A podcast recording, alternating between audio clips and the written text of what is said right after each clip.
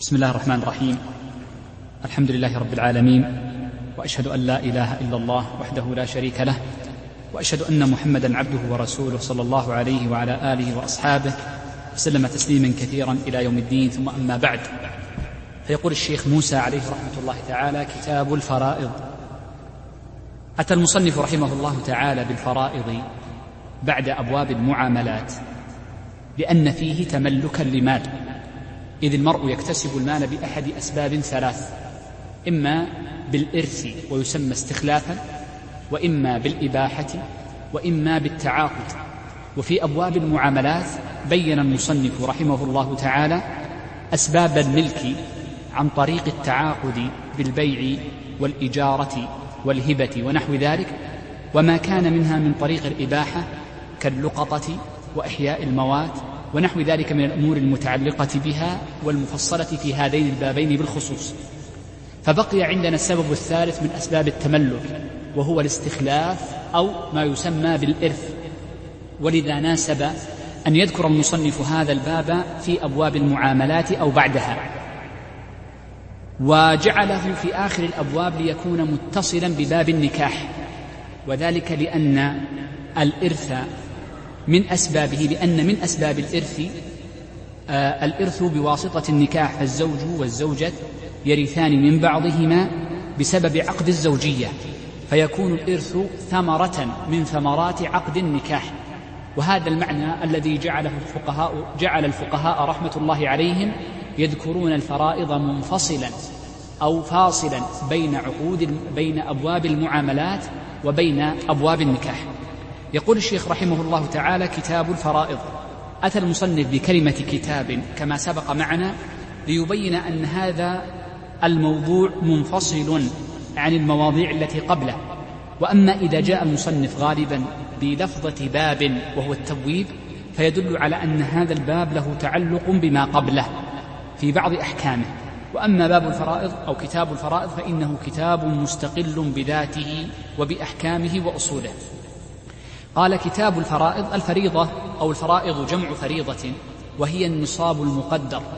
وإذا كنا نتكلم عن الفرائض وهي الأنصبة بعد الوفاة فإننا نقول إنها النصيب إنها آه النصيب المقدر شرعا.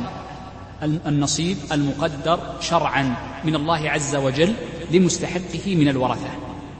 يقول الشيخ رحمه الله تعالى وهي العلم بقسمة المواريث. أولا المصنف رحمه الله تعالى لخص كتاب الشيخ أبي محمد بن قدامة وهو المقنع. والمقنع لما قال الفرائض قال هو قسمة المواريث ولم يأتي بلفظة العلم. واستشكل ذلك فإن قسمة المواريث ليست هي الفرائض وإنما هي أثر الفريضة ومعرفتها. ولذلك فإن المصنف للسلامة من هذا الانتقاد الذي انتقد به الأصل وهو الشيخ أبو محمد رحمه الله تعالى زاد كلمة العلم أي العلم بقسمة المواريث وزيادة العلم في محلها لأن هذا يكون موافقا للحديث الوارد عن النبي صلى الله عليه وسلم فإنه قد جاء عند ابن حبان والحاكم ورواه الترمذي إسنادا ولم يذكر نصه أن النبي صلى الله عليه وسلم قال تعلموا الفرائض تعلموا الفرائض. وعلموها الناس فإني آه، امرؤ أوشك أن أقبض. فدل ذلك على أن المقصود إنما هو علم الفريضة علم الفريضة. فعندما نقول علم الفرائض حذفنا المضاف وأبقينا المضاف إليه من باب الدلالة عليه كقول الله جل وعلا واسأل القرية أي واسأل أهل القرية إذا فإن المقصود هو تعلم الفرائض ومعرفتها. وهذا هو الذي جعل المصنف يزيد كلمة العلم بقسمة المواريث هذه الجملة نستفيد منها فائدة مهمة وهو ما يتعلق بفضل هذا العلم العظيم وهو علم الفرائض. فإن علم الفرائض علم عظيم وردت في شأنه أحاديث كثيرة مروية ولأهل العلم كلام في أسانيدها ولكن مجموعها يدل على أن معرفة هذا العلم بخصوصه له فضل عظيم. وقد ذكر جمع من أهل العلم أن معرفة الفرائض من العلوم المهمة وقل ما يتعلم امرؤ هذا العلم إلا ويكون عالما بسائر فروع الفقه. ولا يمكن أن نحكم لامرئ بالفقه إلا أن يكون عالما بالفرائض لأن الفرائض باب عظيم من أبواب العلم والفقه بالخصوص فلم فمن لم يكن عالما به فإنه حينئذ يكون مفوتا لباب من أبواب الفقه العظيمة فحينئذ لا يكون فقيها لأنه لأن فقهه ناقص. ولذلك فإننا نؤكد على أهمية هذا العلم. وهذا العلم يعتمد على أمرين. يعتمد على الحفظ ويعتمد على الفهم معا. ومن اجتمع له الأمران الحفظ والفهم فإنه الذي يجتمع فيه خصائص الفقيه وهو الحفظ للفروع والفهم لها وللتنزيل. فمن أجاد علم الفرائض فإنها مظنة بأمر الله عز وجل لإجادة جميع مسائل أبواب الفقه. لأن الفرائض كما قلت لكم يحتاج إلى حفظ ويحتاج إلى فهم. وهنا مسألة أو فائدة قصيرة أذكرها قبل أن نبدأ بكلام المصنف. قلت لكم قبل قليل أن علم الفرائض يحتاج إلى حفظ ولذلك فإن علم الفرائض هو أمران فقط في الأساس. معرفة الذين يرثون ومعرفة استحقاقهم. يعني كم يرثون؟ وتقديم المقدم وتأخير المؤخر. وهذا هو الفهم. متى تقدم فلانا على آخر فتجعله يحجبه حجب نقصان أو يحجبه حجب حرمان كاملا؟ فمن عرف هذين الأمرين فإنه في هذه الحال يكون عالما بالفرائض. وما زاد عن هذين الأمرين فإن غالبه إنما هو من علم الحساب. يستطيع المرء أن يستغني عنه وهو علم الحساب بالانتقال للوسائل الحديثة. ومن أسهل هذه الوسائل الحديثة علم الكسور الذي الفقهاء قديما لم يكونوا عارفين به ولم يذكرونه في كتب الفرائض وهي التي ندرسها في المراحل الابتدائية لا يتخرج امرؤ منا في المرحلة الابتدائية إلا وهو عالم بعلم الكسور وكيف تضرب الكسور وتجمع وهذا منه. ولذلك فإن علم الفرائض علم سهل في الحقيقة جدا. حتى قال بعض أهل العلم إنه علم ساعة. أي يستطيع المرء أن يتعلمه في ساعة واحدة. وهو علم ساعة أيضا لأنه ينسى بعد ساعة. فلا بد فيه من مراجعة ولا بد فيه من مذاكرة. ولذلك قال قتادة بن دعام السدوسي رحمه الله تعالى إذا أردت أن تعرف علم الفرائض فأمد جيرانك من كثرة تكرارك للمسائل ومرورك عليها واستحضار الذهن لها. فلا بد فيه من مراجعة هذا العلم كما قلنا قبل قليل نقلا عن أهل العلم أن هذا العلم علم ساعة. طيب. يقول المصنف رحمه الله تعالى أسباب الإرث رحم ونكاح وولاء. عادة الفقهاء في باب الفرائض وهذا واضح جلي عندهم كثيرا أنهم يعنون فيه كثيرا بالتقسيم.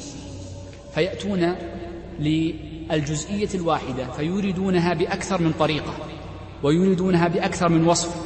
ويكررون المسائل ويعيدون لكي تثبت المعلومة في الذهن أكثر.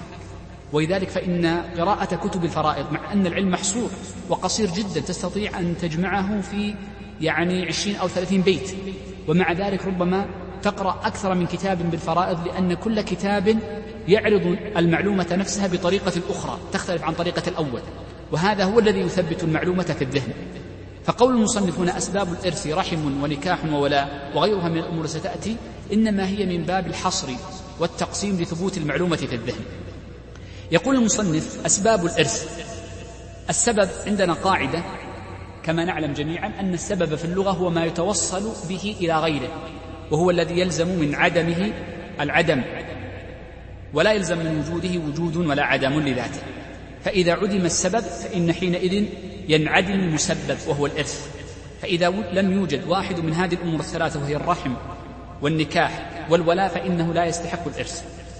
والعبرة والعبرة بوجود السبب إنما هو بحين الوفاة. فلو وجد شيء من هذه الأسباب بعد الوفاة فلو وجد شيء من هذه الأسباب بعد الوفاة فإنه حينئذ لا يثبت الإرث. كمن؟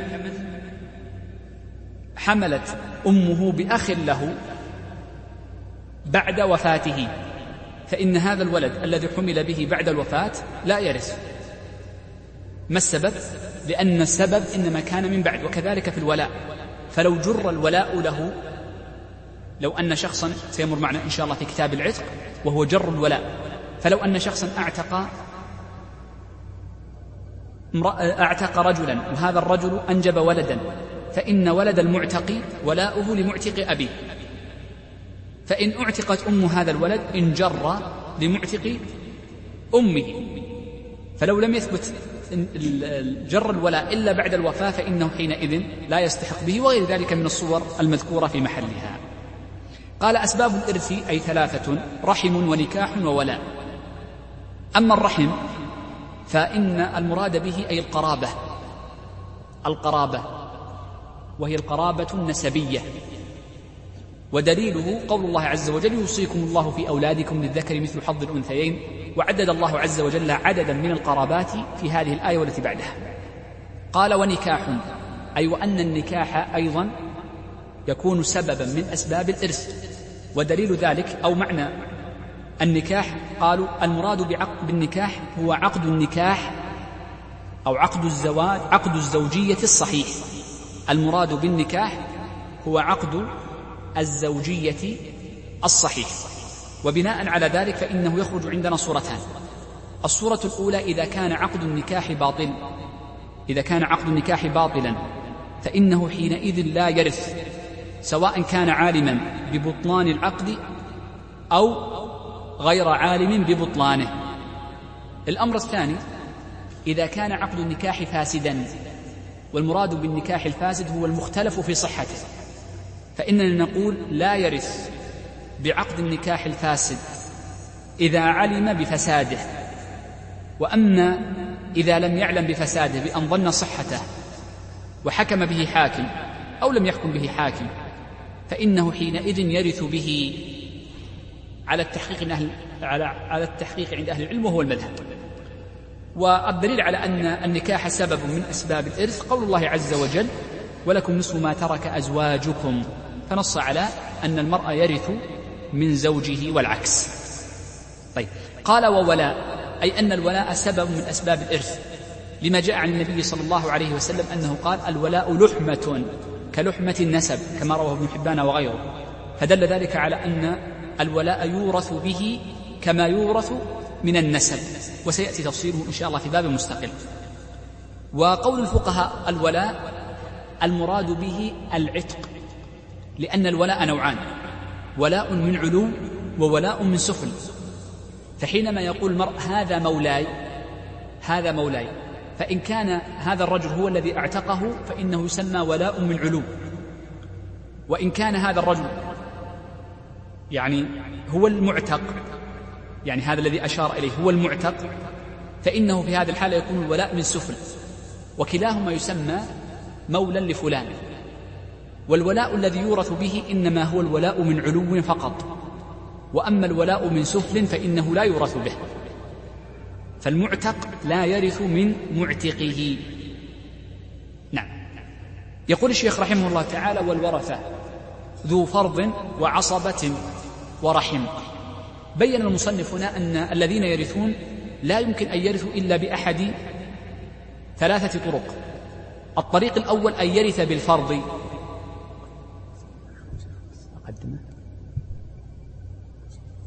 السبب الأول أن يرث بالفرض والمراد بالفرض التقدير أي أن الشارع يقدر له نصيبا محددا فيرث به وهذا يسمى الإرث بالفرض.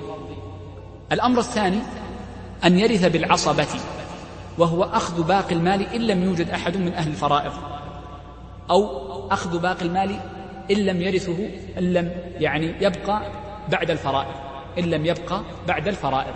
هذا يسمى عصبة. وسيأتي تفصيلهم في باب مستقل أيضا. والثالث ذو الرحم. وذو الرحم هم القرابات الذين لا يرثون لا بالفرض ولا بالعصبة. فإذا فقد أهل الفرض وفقد المعصبون انتقلنا بعد ذلك لذوي الأرحام. انتقلنا بعد ذلك لذوي الأرحام. طيب المصنف ماذا فعل؟ المصنف بدأ بذكر الذين يرثون بالفرض من هم؟ وكيف يرثون؟ ثم انتقل بعد ذلك لبيان الذين يرثون بالتعصيب من هم؟ وبيان كيف يكون إرثهم بالتعصيب ثم بعد ذلك في آخر أبواب كتاب الفرائض ذكر الذين يرثون بالرحم. إذا فبين كل واحد على سبيل الترتيب. بينهم على هذه الهيئة. فبدأ الشيخ أولا بالذين يرثون بالفرض. وقلنا إن المراد بالفرض هو التقدير. أي كل قدر قدره الشارع. فإنه حينئذ لمستحقه من الورثة فإنه يسمى فرض فرض إرث بفرض فإنه يسمى إرثا بفرض. طيب هذه الفروض قبل أن نبدأ بمن الذي يرث بالفرض هذه الفروض التي تورث بها الذي قدرها الشارع لكي نحفظها يجب أن نحفظها لا يوجد في الشرع إلا ستة فرائض فقط. يعني ستة أنصبة أنصب ستة أنصبة ومقدرات قدرها الشرع وهي الثمن وضعفه وضعفه. زين؟ والسدس وضعفه وضعف ضعفه. نعيد. الثمن وضعفه وضعف ضعفه. عشان بدل ما أقول وضعفه لكي لا يظن أنها مرتين. الثمن وضعفه كم؟ الربع. وضعف ضعفه النصف. والسدس وضعفه الثلث. وضعف ضعفه الثلثان.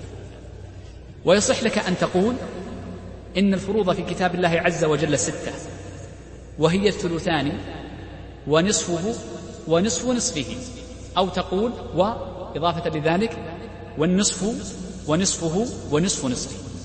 الثلثان نصفهما كم؟ ثلث ونصف نصفه سدس والنصف نصفه ربع ونصف نصفه الثمن. لا يوجد في كتاب الله عز وجل ولا في الفرائض غير هذه الفرائض الست فقط. لا يوجد سبع ولا يوجد تسع ولا يوجد عشر ولا غير ذلك. فقط هذه الأنصبة فقط وغيرها لا يوجد. بدأ الشيخ في ذكر أصحاب الفروض بذكر أسمائهم ابتداء ثم ببيان نصيب كل واحد منهم. بدأ بذكر من الذي يرث بالفرض؟ ثم بيان كل واحد كيف يرث. بعض أهل العلم في غير هذا الكتاب يبين باعتبار الفروض فيقول النصف يرثه فلان وفلان والربع فلان وفلان هما طريقتان. فسواء أخذتها بهذه الطريقة أو بتلك كلاهما النتيجة واحدة والمؤدى واحد لا فرق. ولكن لتثبيت المعلومة مرة تقرأها باعتبار المفروض لهم كما ذكر المصنف ومرة تأخذها باعتبار نوع النصيب. من نصيب النصف والربع والثلث وهكذا من الأنصبة يقول المصنف رحمه الله تعالى فذو الفرض عشرة. أي لا يرث أحد بالفرض إلا هؤلاء العشرة. وهذا بإجماع أهل العلم أنه لا يرث إلا هؤلاء العشرة. وأجمع أهل العلم أيضا على أن غير هؤلاء العشرة لا يرثون بالفرض. وهنا فائدة أن أغلب أحكام الفرائض هي بإجماع. وهذا من حكمة أرادها الله عز وجل لأنها منصوصة في كتاب الله عز وجل لكي لا يحدث فيها خلاف ولا نزاع. وإنما النزاع في مسائل معدودة تعد عدا وإلا الأصل في الفرائض أحكام الفرائض أنها مجمع عليها بين أهل العلم. إذا قال فذو الفرض عشرة أي الذين يرثون بالفرض عشرة. قال الزوجان من الزوجان؟ الزوج والزوجة. قال والأبوان. وهما من؟ الأب والأم. قال والجد والجدة. واضح الجد والجدة واضح. طبعا الجد هو كل أب للأب وإن علا وإن علا. قد يكون أب الأب وهكذا. والجدة سيأتي بعد قليل أنها ثلاث جدات سنعدها بعد قليل إن شاء الله. قال والبنات لأن البنات يرثن بالفرض النصف أو الثلثان لهن. وبنات الابن والأخوات من كل جهة. والإخوة من الأم. هؤلاء عشر أو عشرة أجناس لا هم الذين يرثون بالفرض وغيرهم لا يرث بالفرض. إما أن يرث بالتعصيب أو يرث من ذوي الأرحام كما سنذكره في محله وذوي الأرحام غير محصول. نعيد هؤلاء العشر ويجب أن تحفظهم حفظا تاما. نبدأ أولا قال الزوجان الزوج والزوجة والأبوان الأم والأب والجد والجدة والبنات وبنات الابن والأخوات من كل جهة والإخوة شوف الإخوة ليشمل الولد الأخ والبنت لأم.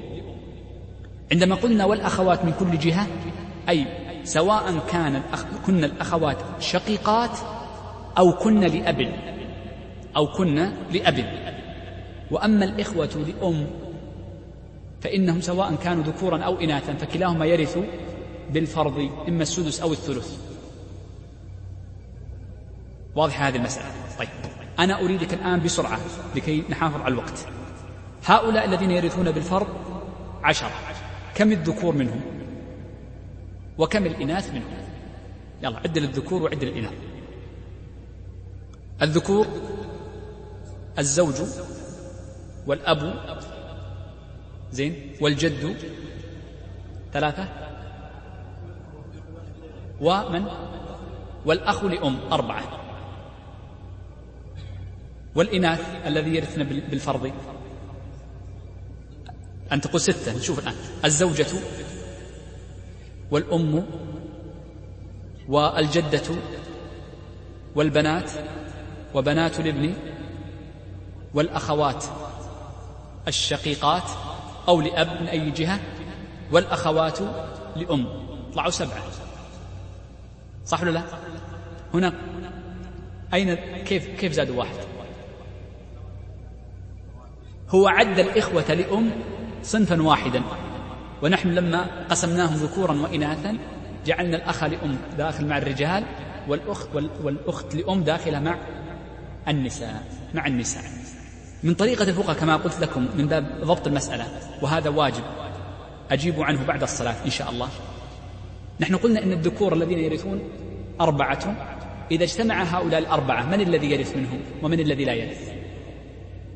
وإذا اجتمع الإناث السبع كلهن من الذي يرث منهم ومن لا يرث؟ هذا واجب. عندما ننتهي إن شاء الله سنمر على ميراثهم جميعا فرائض اليوم. فأجيب عنه في نهاية الدرس. واضح السؤال؟ إذا كان رجل مات ولم يورث إلا الذكور فقط ذو الفرض. فمن الذي يرث منهم؟ أو رجل مات ولم يورث إلا النساء فقط فمن الذي يرث منهم؟ طيب فإن مات رجل سؤال فإن مات رجل وقد ورث. وقد خلف جميع ذوي الفروض من الرجال والنساء. هل يمكن هذا السؤال؟ نقول لا يمكن لماذا؟ لأن لا يمكن أن يترك زوجا وزوجا لكن ممكن أن تقول وقد خلف جميعهم وأحد الزوجين وأحد الزوجين. إذن أصبح عندنا ثلاث أسئلة فكروا فيها في نهاية الدرس سآخذ أجوبة منكم. طيب. يقول الشيخ رحمه الله تعالى نعم. طبعا الأدلة على هؤلاء ال ال ال الذين يرثون بالفرض هي في كتاب الله عز وجل ستأتي إن شاء الله في محلها عندما نذكر تفصيل إرثهم. بدأ الشيخ بأولهم وهو الزوج. فقال فللزوج النصف. ومع وجود ولد أو ولد ابن وإن نزل الربع الزوج له حالتان. كما قال الله جل وعلا ولكم نصف ما ترك أزواجكم إن لم يكن لهن ولد فإن كان لهن ولد فلكم الربع مما تركنا فلكم الربع. فدل ذلك على أن الزوج له حالتان إما أن يرث النصف من التركة كلها وإما أن يرث الربع. فإن لم يكن للزوجة ولد فإن لم يكن للزوجة ولد سواء كان هذا الولد من هذا الزوج أو من غيره. لا ننظر العبرة أن لا يكون لها أي ولد ليس لها أي, ولد فحينئذ يرث الزوج نصف تركتها. إذا فقول المصنف فللزوج النصف أي مع عدم وجود ولد للزوجة. إذا لم لم يكن هناك ولد للزوجة. قال ومع وجود ولد أو ولد ابن. إذا وجد ولد للزوجة من هذا الزوج أو من غيره أو ولد ابن عندما قلنا أو ولد ابن أي ولد أدلى لهذه المرأة بذكور خلص. بذكور خلص. طبعا قوله ولد يشمل الذكر والأنثى. يعني لو كان لهذه الزوجة ولد ذكر أو أنثى فإنه يحجب الزوج من النصف إلى الربع. أو وجد ولد ابن ولد أدلى لهذه الزوجة بذكور خلص فإنه يحجب زوجها من من النصف إلى الربع. لكن لو وجد ولد بنت امرأة ماتت عن زوجها وولد بنت فكم؟ ترث الزوجة. فكم ترث الزوج؟ نعم. فكم يرث الزوج؟ هم يقولون مثلا رجل امرأة ماتت عن زوج زين وعن بنت بنت فقط. هذه. الزوج كم يرث؟ كم يرث؟ النصف ولا الربع؟ اقرأ اقرأ مع الكتاب لا تخرج عن الكتاب. للزوج النصف إذا لم يوجد ولد. ومع وجود ولد أو ولد ابن وإن نزل الربع البنت ولد ولا ليست بولد. ولد. إذا للزوج يكون حينئذ الربع والباقي للبنت. طيب لو كان بدل البنت ابن. الربع والباقي. طيب لو كان ابن ابن. طيب بنت ابن. بنت ابن. أن أمسحها. بنت بنت ابن أرطفها بالشرك زوجة مع بنت ابن. زوجة مع بنت ابن.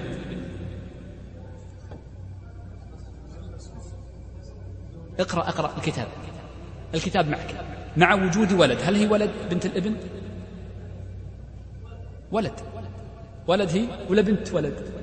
هو ليس ولد. ما لها هذه المرأة التي ماتت؟ ليس لها ولد ولدها مات. كونه موجود ثم مات ما نعتبر العبرة في وقت الوفاة. ولذلك قلت لكم لابد أن تكون السبب موجود في وقت الوفاة. في وقت الوفاة ليس لها إلا زوج وبنت ابن ليس ولدا. ابنها ليس لها ابن. إذن قال ماذا؟ ولد ابن. ولد ابن. هل هي ولد ابن؟ ولد ابن. ما قال ابن ابن؟ ولد ابن. إذن الربع والباقي. إذن الزوجة مع بنت الابن الزوج مع بنت الابن يرث الربع يرث الربع. طيب لو كان بدل هذه بدل بنت كانت بنت بنت بنت بنت. نعم. هنا نقول يجب أن ترث النصف. هنا يرث الزوج النصف. وضحت المسألة؟ أو ليست واضحة؟ واضحة؟ أنت تخصصك رياضيات بعد؟ واضحة؟ بنت الابن هو قال ممكن المصنف أو ولد ابن. كل شخص يرد يعني يتصل بالميت بذكور خلص. ابن ابن ابن ابن ابن ابن. ما دام له ولد أو بنت فإنه يكون حاجبا للزوج من النصف إلى الربع. لأن عبارة المصنف ما هي؟ ولد ابن. جيد؟ طيب. إذن هذا هذا نصيب الزوج ونصيب الزوج سهل جدا ما في أي إشكال. قال وللزوجة فأكثر نصف حاليه فيهما. أي أن الزوجة مثل الزوج لكن لها النصف مما سبق. فإن لم يكن للزوج ولد فإن الزوجة ترث الربع. وإن كان للزوج ولد فإن الزوجة حينئذ ترث الثمن الثمن. وهنا قاعدة ذكرها ال ال ال ابن نصر الله في منظومته اللامية. فإنه قد ذكر أن القاعدة عند الفقهاء أنهم يقولون الزوج. عفوا يذكرون يقولون الزوجة. وإذا قالوا الزوجة هذا قاعدة استخدام قاعدة استخدام. فإنهم يقصدون بها الجنس. فالزوجة تشمل الواحدة والثنتين والثلاث والأربع. الحكم فيهما سواء. عكس إذا قالوا أخ أو أخوات لأن الأخ والأخوات الأخ والإخوة عفوا الأخت والأخوات يختلف فيها العدد. بينما الزوجة الواحدة والأكثر الحكم فيها سواء. لا فرق. ما نقول إن لكل زوجة تأخذ ثمنا إذا خذ مسألة معي. زوج, زوج مات عن زوجته وابن واحد. كم تأخذ زوجته؟ الثمن. طيب. رجل مات عن زوجته وخمس بنات. كم تأخذ زوجته؟ الثمن. رجل مات عن زوجته وابن ابن له.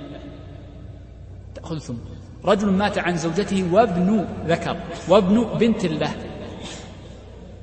الربع. لأن ولد البنت ما يرث. من ذوي الأرحام. من ذوي الأرحام. طيب.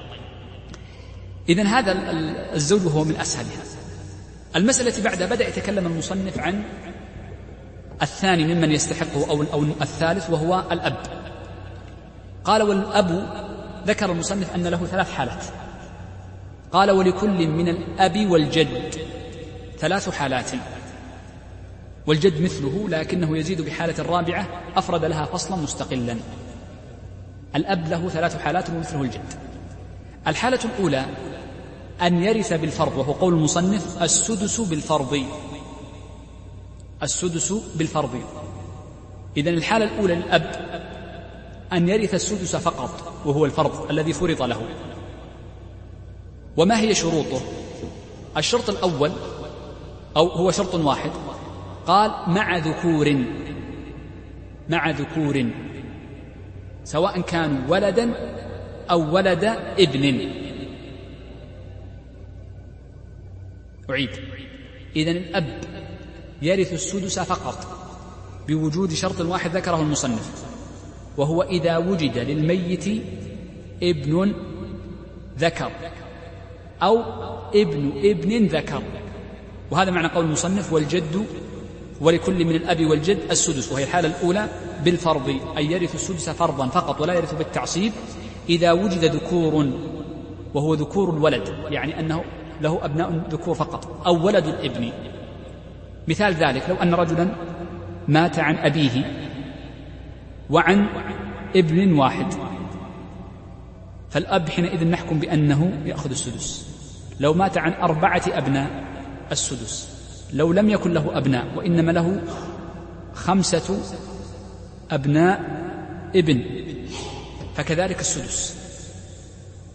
ما دام هناك أبناء أو أبناء ابن فمباشرة يرث السدس فقط ولا نقول إنه يرث بالتعصيب مطلقا فقط يأخذ آه، السدس فقط. الحالة الثانية للأب أن يرث الأب بالتعصيب فقط يعني يأخذ الباقي يأخذ الباقي. قال وذلك إذا عدم الولد. يعني لم يكن هناك ولد. لم يكن هناك ولد. وولد الولد.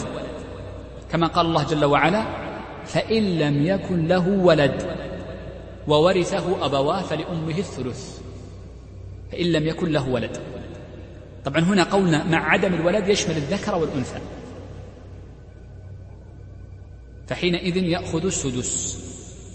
يأخذ عفوا يرث بالتعصيب. عفوا يأخذ يرث بالتعصيب ولا يأخذ السدس بل يأخذ الباقي. مهما كان الوارث قد يرث يموت الشخص عن أم فقط وأب. مباشرة نقول طبعا لا نتكلم عن أم مباشرة نقول إن الأب يأخذ الباقي تعصيبا. أم وأب يأخذ الباقي تعصيبا. لو لم تكن هناك أم مات رجل عن زوج امرأة عن زوج أو رجل عن زوجة فالأب يأخذ ماذا؟ الباقي لأن لا يوجد ولد لا ذكر ولا أنثى. لو وجد ذكر نشطب الباقي نجعلها دائما سدس. إذا ولد ابن ذكر. طيب. إذا دائما إذا كان الميت ليس له ولد لا ذكر ولا أنثى فحينئذ نقول إن أباه يرث الباقي. يرث الباقي. الحالة الثالثة قال وبالفرض والتعصيب مع إناثهما. طبعا مع إناثهما يعني مع إناث الولد. أو إناث ولد الولد. رجل مات مثلا عن أب وبنت. فمباشرة نقول إن الأب يرث السدس إضافة للسدس يرث الباقي. بعد ما يبقى من البنت البنت لها النصف طبعا. لو أن هناك بنت ابن أو بنت وبنت ابن تعطى البنت نصيبها وهو النصف ويعطى ابن بنت الابن نصيب تعطى نصيبها وهو السدس والأب يأخذ السدس والباقي. يأخذ السدس والباقي. طيب. لماذا قلنا يعني بعض الناس يقول ليش تفرقون بين الحالتين؟ وهو تجعلون له السدس والباقي هي في الحقيقة باقي. نقول لأنه في بعض الأحيان انظر معي في بعض الأحيان تكون يكون الورثة يرثون أكثر من خمسة الأسداس. قد يرث البا... ال... ال... يكون الورثة الباقون لهم أكثر من خمسة الأسداس. فلو قلنا إن الأب يأخذ السدس فقط عفوا يأخذ الباقي فقط لنقص عن السدس. لذلك نقول أنت لا تنقص عن السدس فيأخذ معهم السدس. وتعول المسألة لما هو أكثر وسنتكلم عن العول في محله إن شاء الله. إذا فائدة قولنا أنه يأخذ الفرض وهو السدس. والتعصيب لكي لا ينقص الأب عن السدس بحال. يجب أن يأخذ السدس. وإن كان في بعض الصور نتيجته ونتيجة من يأخذ بالتعصيب واحدة لكن في صور أخرى ليست كذلك. طيب. آه طيب. إذا قوله مع إناثهما عرفنا أن المراد بإناثهما الضمير عائد لإناث الولد أو لإناث ولد الابن أو إناث ولد الابن. يقول المصنف رحمه الله تعالى فصل. وهذا الفصل في الحقيقة هو من أصعب الفصول. وهو مسألة توريث الجد مع الإخوة. وهذا المسألة من الباب من أصعب الأبواب. والإشكال فيه أن المصنف قدمه في أول باب كتاب الفرائض مع أنه لم يتكلم بعد عن باقي الفرائض. لم يتكلم عن ميراث الأم ولا الجدة ولا البنات ولا الأخوات وغيرهم من ذوي الفرائض. وهذا يدلنا على مسألة أن المصنف وغيره من الفقهاء يأتون ببعض الكتب لا لغرض التعليم وإنما لغرض التذكر. فلا يمكن أن المبتدئ يعرف أحكام الجد مع الإخوة وهو لم يعلم كم نصيب البنات وكم نصيب الأم وهو المسألة التي بعد قليل. وهذا يفيدنا على أن المختصرات ليس الغرض منها فقط التعليم وإنما لها فوائد أخرى منها من فوائدها الاستذكار والمراجعة واستظهار المسائل. وتكلمت عن فوائد المختصرات في أول الحديث عن في في هذا الكتاب وهو زاد المستقبل. إذا فهذه الباب وهو باب الجد مع الإخوة من المسائل المشكلة حتى إنه تتفرع عليه مسائل. وقيل إن زيدا جاءته بعض المسائل فكدرت عليه أصوله من حيث تشريك الجد مع الإخوة. وهناك مختصرة زيد ومطولة زيد والأربعينية والعشرينية ومسائل كثيرة جدا متفرعة على هذه المسألة وهي مسألة تشريك الجد مع الإخوة أو مقاسمة الجد للإخوة. وعلى العموم قبل أن أبدأ بهذا الباب سأذكر مقدمتين قصيرتين. المقدمة الأولى ما معنى هذا الباب؟ معنى هذا الباب هو أن يوجد جد انظر معي أن يوجد جد وأن يوجد إخوة. وقلت لكم قبل قليل أن هناك قاعدة. أنه إذا أطلق الإخوة في الأصل فإنه يشمل الذكور والإناث. لا نفرق هذا الأصل إذا أطلقنا إخوة فإنه يشمل الذكور والإناث. فكذلك هنا الجد والإخوة يشمل الذكور والإناث سواء كانوا أشقاء أو لأب. إذا وجد جد وإخوة فهذه المسألة تسمى مسألة الجد والإخوة. الذي يرثه جد وإخوة فقط. أو معهم صاحب فرد كما سأذكر بعد قليل. ولأهل العلم مسلكان. المسلك الأول أن الجد يحجب الإخوة فلا يرث الإخوة شيئا. يسقطون بحيث أن الجد يأخذ يكون له ثلاث حالات إما السدس وإما التعصيب وإما السدس مع التعصيب مثل الأب فقط. فلا يرث الإخوة شيئا فيكون كالأب سواء كما قال ابن عباس رضي الله عنه اجعل الجد أبا اجعله كالأب تماما. وهذا القول هو الذي انتصر له كثير من علماء المذهب بل من أئمة علماء المذهب. فهي رواية منصوصة عن الإمام أحمد. واختارها الشيخ تقي الدين وقال عنها تلميذه الشيخ محمد بن مفلح وهو من أكبر علماء المذهب وأعلمهم تحقيقا به. قال وهذه أظهر أي أن هذه الرواية أظهر وهو أن الجد يحجب الإخوة. وقلت لكم قبل أن ابن مفلح إذا قال عن رواية إنها أظهر يقصد أنها أظهر دليلا فإنها من ألفاظ الترجيح باعتبار الدليل عند ابن مفلح. وصوبها يعني قال إن هذه الرواية هي الصواب. شيخ المذهب الشيخ القاضي علاء الدين المرداوي صاحب الإنصاف. فهؤلاء ثلاثة من كبار علماء المذهب المتأخرين نصوا على أن الجد يحجب الإخوة. وهذا القول هو الذي اختاره أيضا الشيخ محمد بن عبد الوهاب وهو الذي عليه العمل في المحاكم. أن الجد يحجب الإخوة. والقول بأن الجد يحجب الإخوة يسهل علينا المسألة جدا. فهذا الفصل كله يصبح لا, لا غرض منه. فلذلك إذا أردت أن يعني آه، تأخذ ما عليه العمل والفتوى فتقول إن هذا الفصل كاملا ليس عليه الفتوى ولا العمل إذا فجاوزه. ونحن نقول إن الاعتبار فيما عليه العمل مهم. ولذلك فإن تقي الدين بن النجار صاحب المنتهى قال ومشيت على ما ذكره المنقح إلا ما خالف فيه العمل وأقصد بالعمل كذا قال هو في شرحه على كتابه أقصد ما قضى به القضاة والحكام. ونحن القضاة والحكام عندنا على أن الإخوة محجوبون فأراحونا جزاهم الله خير فهو أسهل في الحساب جدا. فلا تصبح عندنا مسألة الجد والإخوة. هذه مقدمة أريد أن أبينها. لكن نشرح الكتاب كما هو على المذهب وقول الجمهور وهو قول زيد رضي الله عنه في أن الجد أن الإخوة يشاركون الجد. يشاركونه. طيب. قال والجد لأب وإن علا. بدأ يتكلم عن مسألة الحالة الرابعة الخاصة بالجد.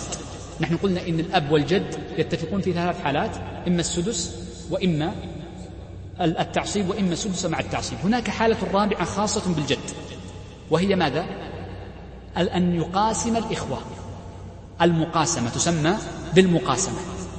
فالجد لأب قول المصنف الجد لأب ليخرج لنا الجد الفاسد الذي لا يرث الذي هو من ذوي الأرحام وهو الجد لأم. من أدلى إلى الميت بأم. الجد إذا أدلى للميت بأم. فإنه حينئذ لا يرث. أبو الأم لا يرث. فيكون من ذوي الأرحام. سنتكلم عنه بعد درسين إن شاء الله. ولكن الذي الجد لأب وإن علا وأبي الأب وهكذا. قال والجد لأب وإن علا. إذا الشرط الأول أن يكون الجد لكي يرث مع الإخوة أن يكون هناك ماذا؟ أن يكون جدا لأب. يعني جدا صحيحا. الشرط الثاني لابد أن لا يكون هناك أب. لأنه إذا وجد الأب حجب الإخوة. للإجماع على أن الأب يحجب الإخوة. يحجب الإخوة.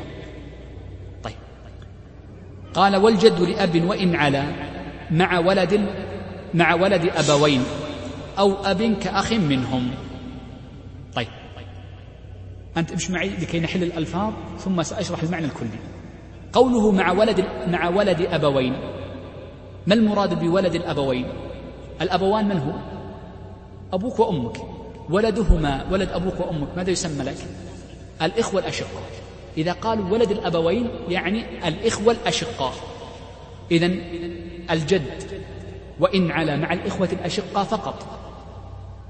لكي لا يذهب وهل الشخص إلى ولد الجد وهو من الأعمام وإنما هو خاص بولد الإخوة الأشقاء أو لأب. أي أو الإخوة لأب. أي ولد الأب.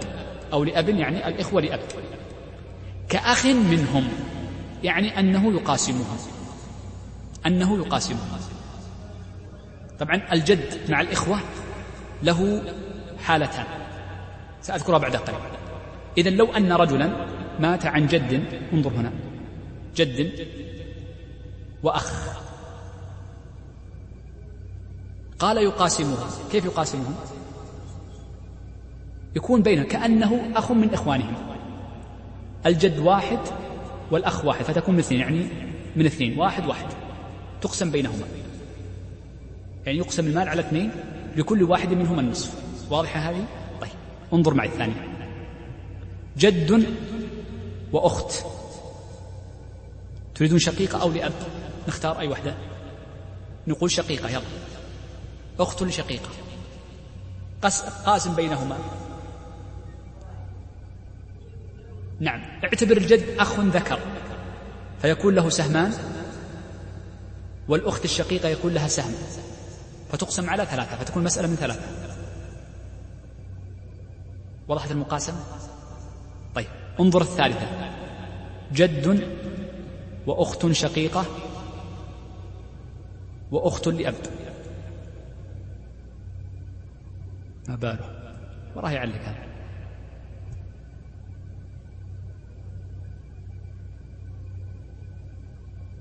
وأخت لأب ما رأيكم؟ الذي يعرف يرفع يده من غير. سهلة جدا. مق... أخ... اعتبر أن الأخ أن الجد أخ من إخوانهم سمي شيخي. من أربعة للأب للجد. اثنين والأخت الشقيقة. سهم سهم. طيب. انظر هذه. جد وأخت شقيقة وبنت أخت. يلا شقيقة أيضا. لكن غير هذه واحدة ثانية. ما رأيكم؟ نقسم من كم؟ ليش ثلاثة؟ هل عدينا قبل شوي هل عدينا من هل عددنا من الورثة بنت الأخت؟ لا ما عددنا أبدا بنت الأخت إذن هي وجودها وعدمها سواء. فتقسم على ثلاثة اثنان وواحد. واضح معنى المقاسمة؟ إذن هذه الحالة الأولى وهي المقاسمة. هناك حالة ثانية هناك حالة ثانية. لا نعطي الجد شوف لا نعطي الجد آه المقاسمة وإنما نعطيه الثلث. وهو إذا كان نصيبه أقل من الثلث. إذا كان نصيبه أقل من الثلث. فقال فإن نقصه المقاسمة عن الثلث المال أعطيه يعني أعطي الثلث. رجل مات عن جد وثلاث إخوة. وثلاث إخوة. قال اقسمها بالمقاسمة. بالمقاسمة شيخ. بالمقاسمة. كم يأخذ الجد؟ يأخذ ثلاث إخوة وجد أربعة. الجد يأخذ كم؟ والإخوة كم يأخذون؟ طيب هل الذي حصل عليه الآن أقل من الثلث ولا أكثر؟ الربع أقل ولا أكثر؟ لأنها من أربعة تصير مسألة. يعني واحد على أربعة. هل نصيب الجد الآن أقل من الثلث ولا أكثر؟ أقل. إذا مباشرة نقول يأخذ الثلث واحد واثنان للإخوة يقتسمونه بينهما. يقولون يجب أن الجد إذا لم يكن هناك صاحب فرض لا يخلو من حالتين. أعيد المسألة. وضحت كلمة تحليل كلام المصنف. أنا ألخصه بأسلوب آخر. نقول إن الجد له حالتان. الحالة الجد مع الإخوة له حالتان. الحالة الأولى ألا يكون مع الجد والإخوة صاحب فرض مطلقا. ألا يكون معهم صاحب فرض مطلقا. فالحكم فيه أنه يقاسمه يعني يقاسم الإخوة يقاسمهم. أنه يقاسمهم. إلا إذا نقص نصيبه عن الثلث فإنه يأخذ الثلث. وما زاد وما فضل عن الثلث بعد ذلك فإنه يكون للإخوة. وضبط ذلك بقاعدة.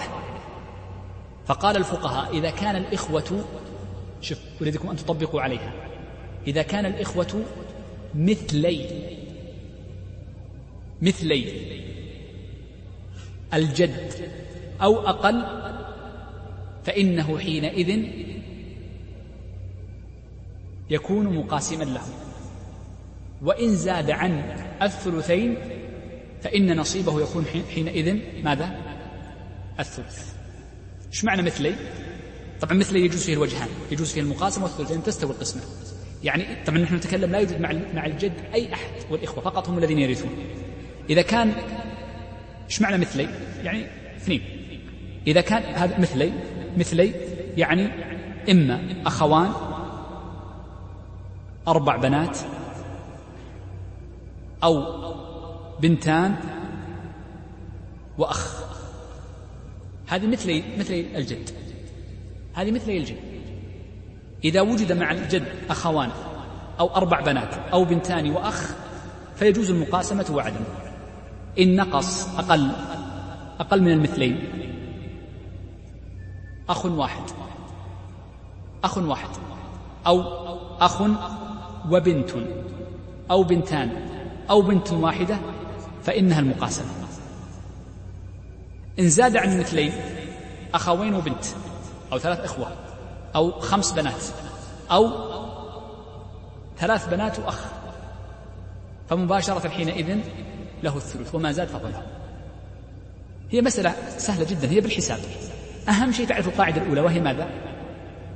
قلنا إذا اجتمع جد وإخوة ولا يوجد معهم صاحب فرض فإنه يقاسمهم ما لم ينقص عن الثلث فإن نقص عن الثلث نصيبه أخذ الثلث وما فرض فهو له. متى يأخذ؟ متى يكون المقاسمة أحظ؟ ومتى يكون الثلث أحظ؟ هذه مسألة أخرى. انتهينا من الحالة الأولى وهي إذا لم يكن معهم صاحب فرض.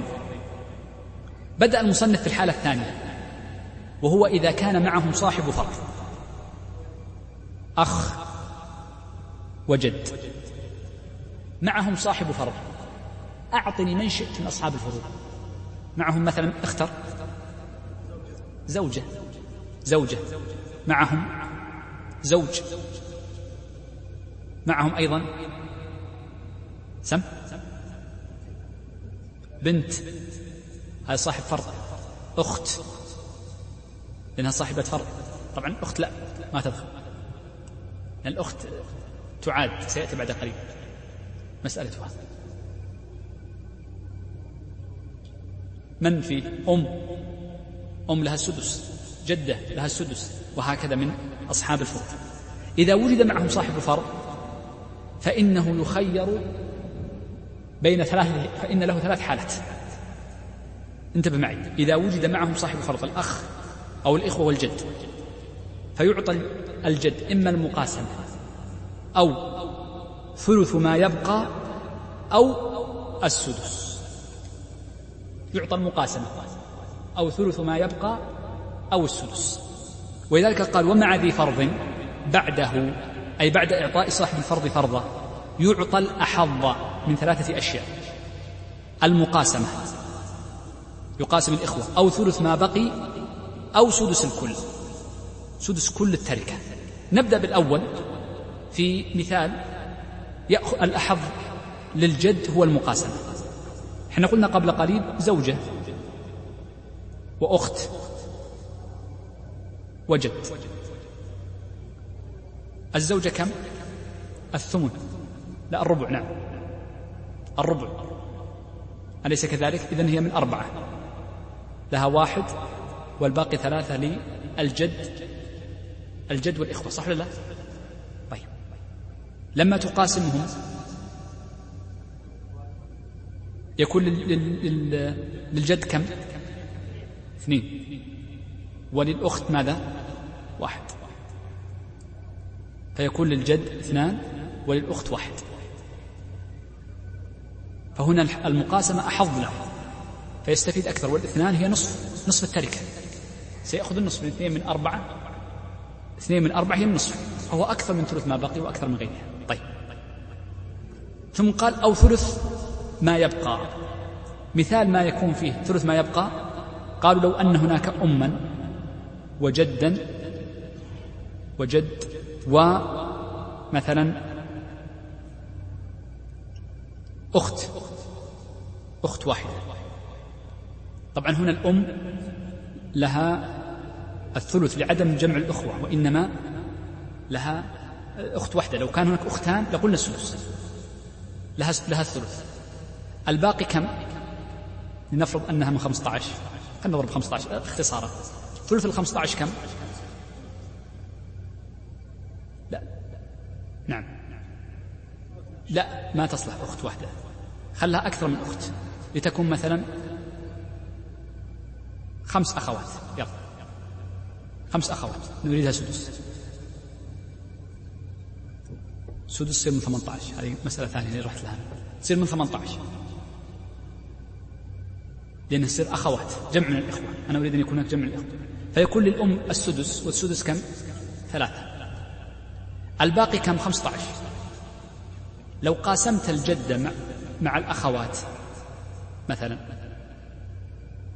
فيكون هناك أو خلينا نقول إخوة أحسن عشان يطلع عدد كبير. خمسة و... أو خلينا نقول أربعة أحسن عشان يطلع حساب مضبوط. أربعة إخوة. أربعة إخوة والجد يكون لكل واحد منهم ثلاثة. لكن لو أعطيته ثلث الباقي فسيأخذ خمسة. إذا ثلث الباقي أكثر من المقاسمة. المقاسمة سيأخذ فيها ثلاثة وثلث الباقي سيأخذ فيها خمسة فهو أكثر. إذا فمن صالحه أن يأخذ ثلث الباقي. فأن تحلها بطريقتين. تحلها مرة بثلث الباقي وتحلها مرة بالمقاسم وتنظر ما هو الأكثر منهما. قال أو سدس الكل. يعني في حالات يأخذ سدس الكل. وضربوا له مثالا أضرب بسرعة عشان الوقت. قالوا لو أن هناك بنتا وأما ويعني ثلاث إخوة وجد. لو قسمتها بينهم البنت لها النصف كما نعلم ولعد الأم لها السدس لوجود جمع من الإخوة. ثم إذا قسمت الباقي فتكون المسألة من ستة من ستة واثنين ستة فتكون من ستة. للأم الثلاثة وللسدس واحد والباقي اثنان. شوف باقي اثنين. الاثنان لو قاسمت يعني الاثنان هي سدس. شوف الاثنان نعم عفوا لو قاسمتها بينهما فإن فيها يعني ستكون أقل من السدس سيأخذ أقل من واحد الجد. وكذلك إذا أخذ ثلث الباقي سيكون أقل من واحد. فحينئذ يقول يأخذ السدس وهو واحد. السدس واحد لأن واحد من ستة واحد. فيأخذ السدس. إذا تحل أي مسألة جد وإخوة معهم فرض بثلاث حالات بالسدس وتحلها بثلث الباقي ثم تحلها بعد ذلك بالمقاسمة وتنظر ما هو الأكثر. فهي مزعجة شوي في الذهن ولها ضابط لكنها ليس مثل طيب قال أو سدس الكل. فإن لم يبقى سوى السدس لو أنه فرضنا على سبيل المثال لم, يوجد لم يبقى سدس أصحاب الفروض أخذوا خمسة. مثل يعني يعني نجيب واحد لها سدس هنا يعني نقول مثلا بنت بدل الإخوة هنا هنا نقول ثلاث إخوة ثلاث إخوة وهناك بنت إبن بنت إبن. بنت الإبن تأخذ السدس مسح. تأخذ السدس فحازت خمسة الأسداس فلم يبقى إلا السدس فيكون للأب حينئذ والإخوة يسقطون.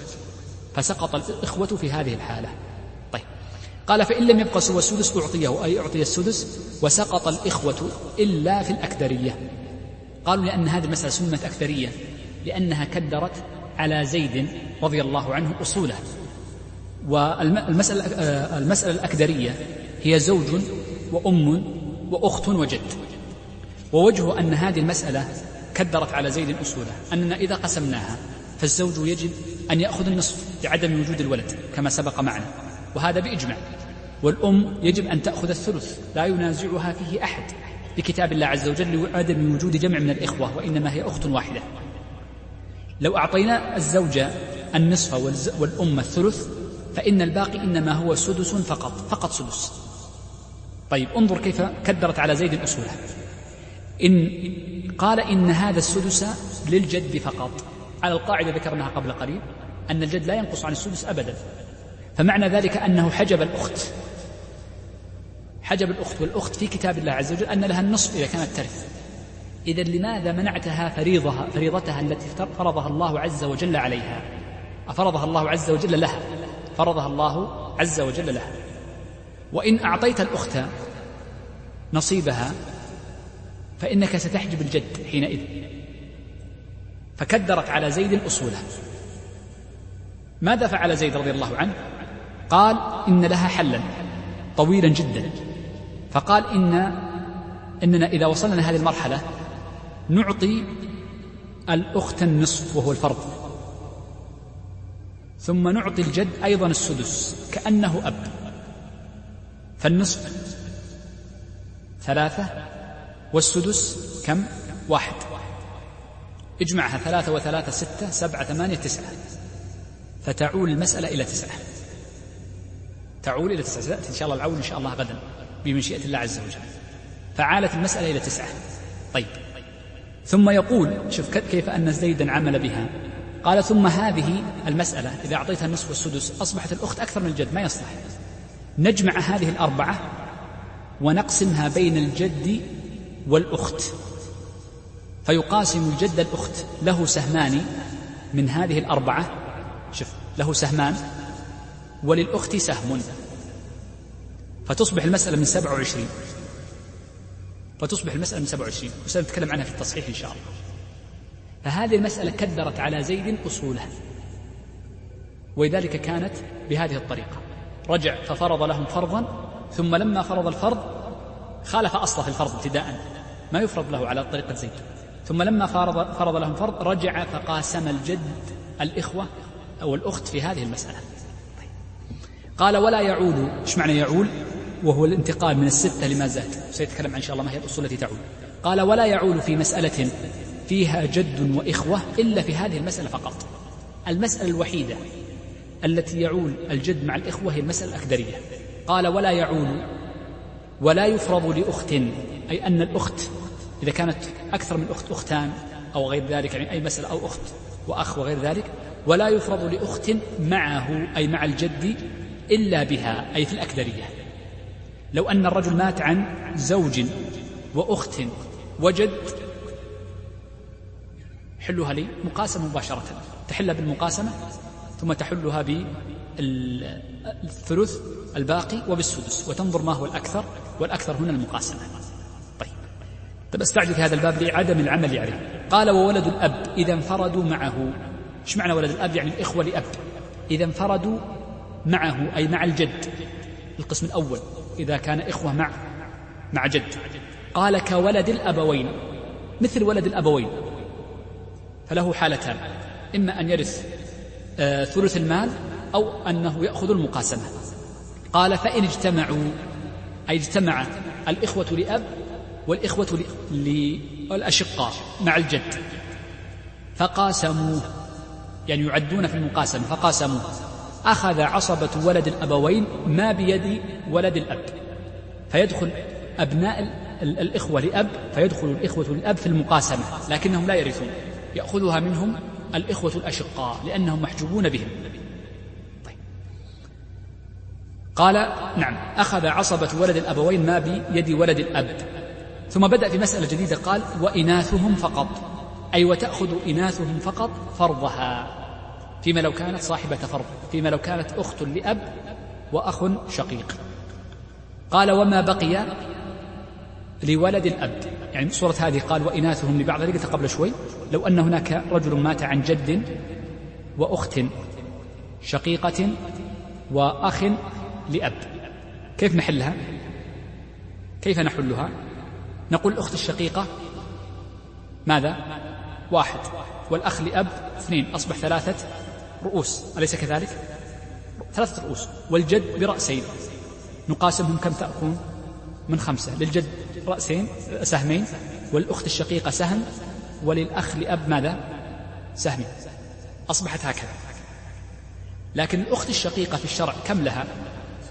النصف. النصف. فنقول تصبح من عشرة.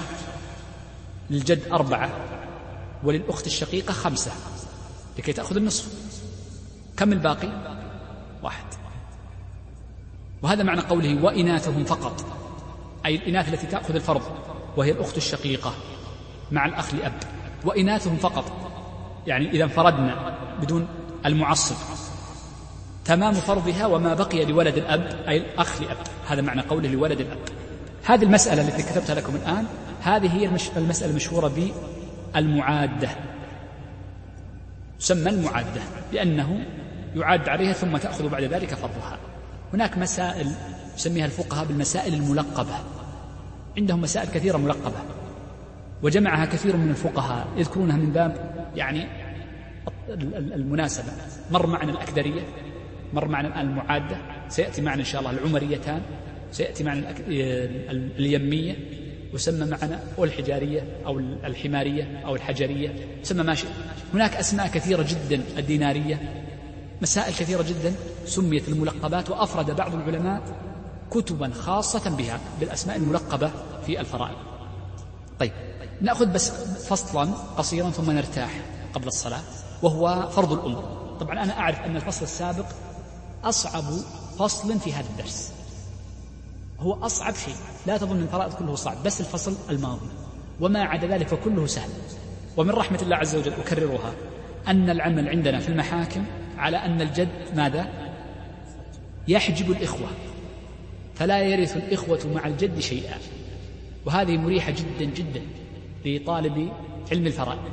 فالمسألة المقاسمة وتحل المسألة بثلاث طرق ثم تنظر ما هو الأكثر تنتهي من ذهنك حينئذ.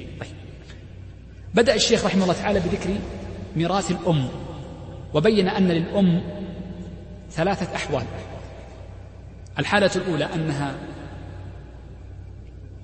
ترث آه، السدس وإما أن ترث الثلث مع أو الثلث. نعم. أو الحالة الثالثة أنها ترث ثلث الباقي. إذا أصبح عندنا ثلاث مواريث الأم إما أن ترث السدس وإما الثلث وإما ثلث الباقي. نبدأ أولا بميراثها للسدس. فقال الشيخ رحمه الله تعالى وللأم السدس وهي الحالة الأولى أي أن الأم لها ثلاث حالات. قال وترث السدس بوجود واحد من ثلاثة بوجود واحد من ثلاثة للميت وجود ولد ولد يشمل الذكر والأنثى ابن أو بنت بوجود ولد أو وجود ماذا؟ ولد ابن يعني ابن ابن أو بنت ابن وزد ابن حتى ما شئت. بعد ذلك ابن ابن وزد. إذا إذا وجد فرع وارث هذا معنى قوله ولد أو ولد ابن وجود فرع وارث. طيب. قال أو اثنين من الإخوة. أو أخوات. أو اثنين من إخوة أو أخوات. الدليل على ذلك قول الله عز وجل فإن لم يكن له ولد أي ولد وارث. سواء كان ذكرا أو أنثى. فيشمل الصورة أو الثانية. قال وورثه أبواه.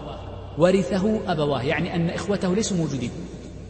ولذلك فإن الجمع من الإخوة يعني يحجبون الأم من الثلث إلى السدس. فإذا وجد جمع من الإخوة اثنان فأكثر حينئذ ماذا؟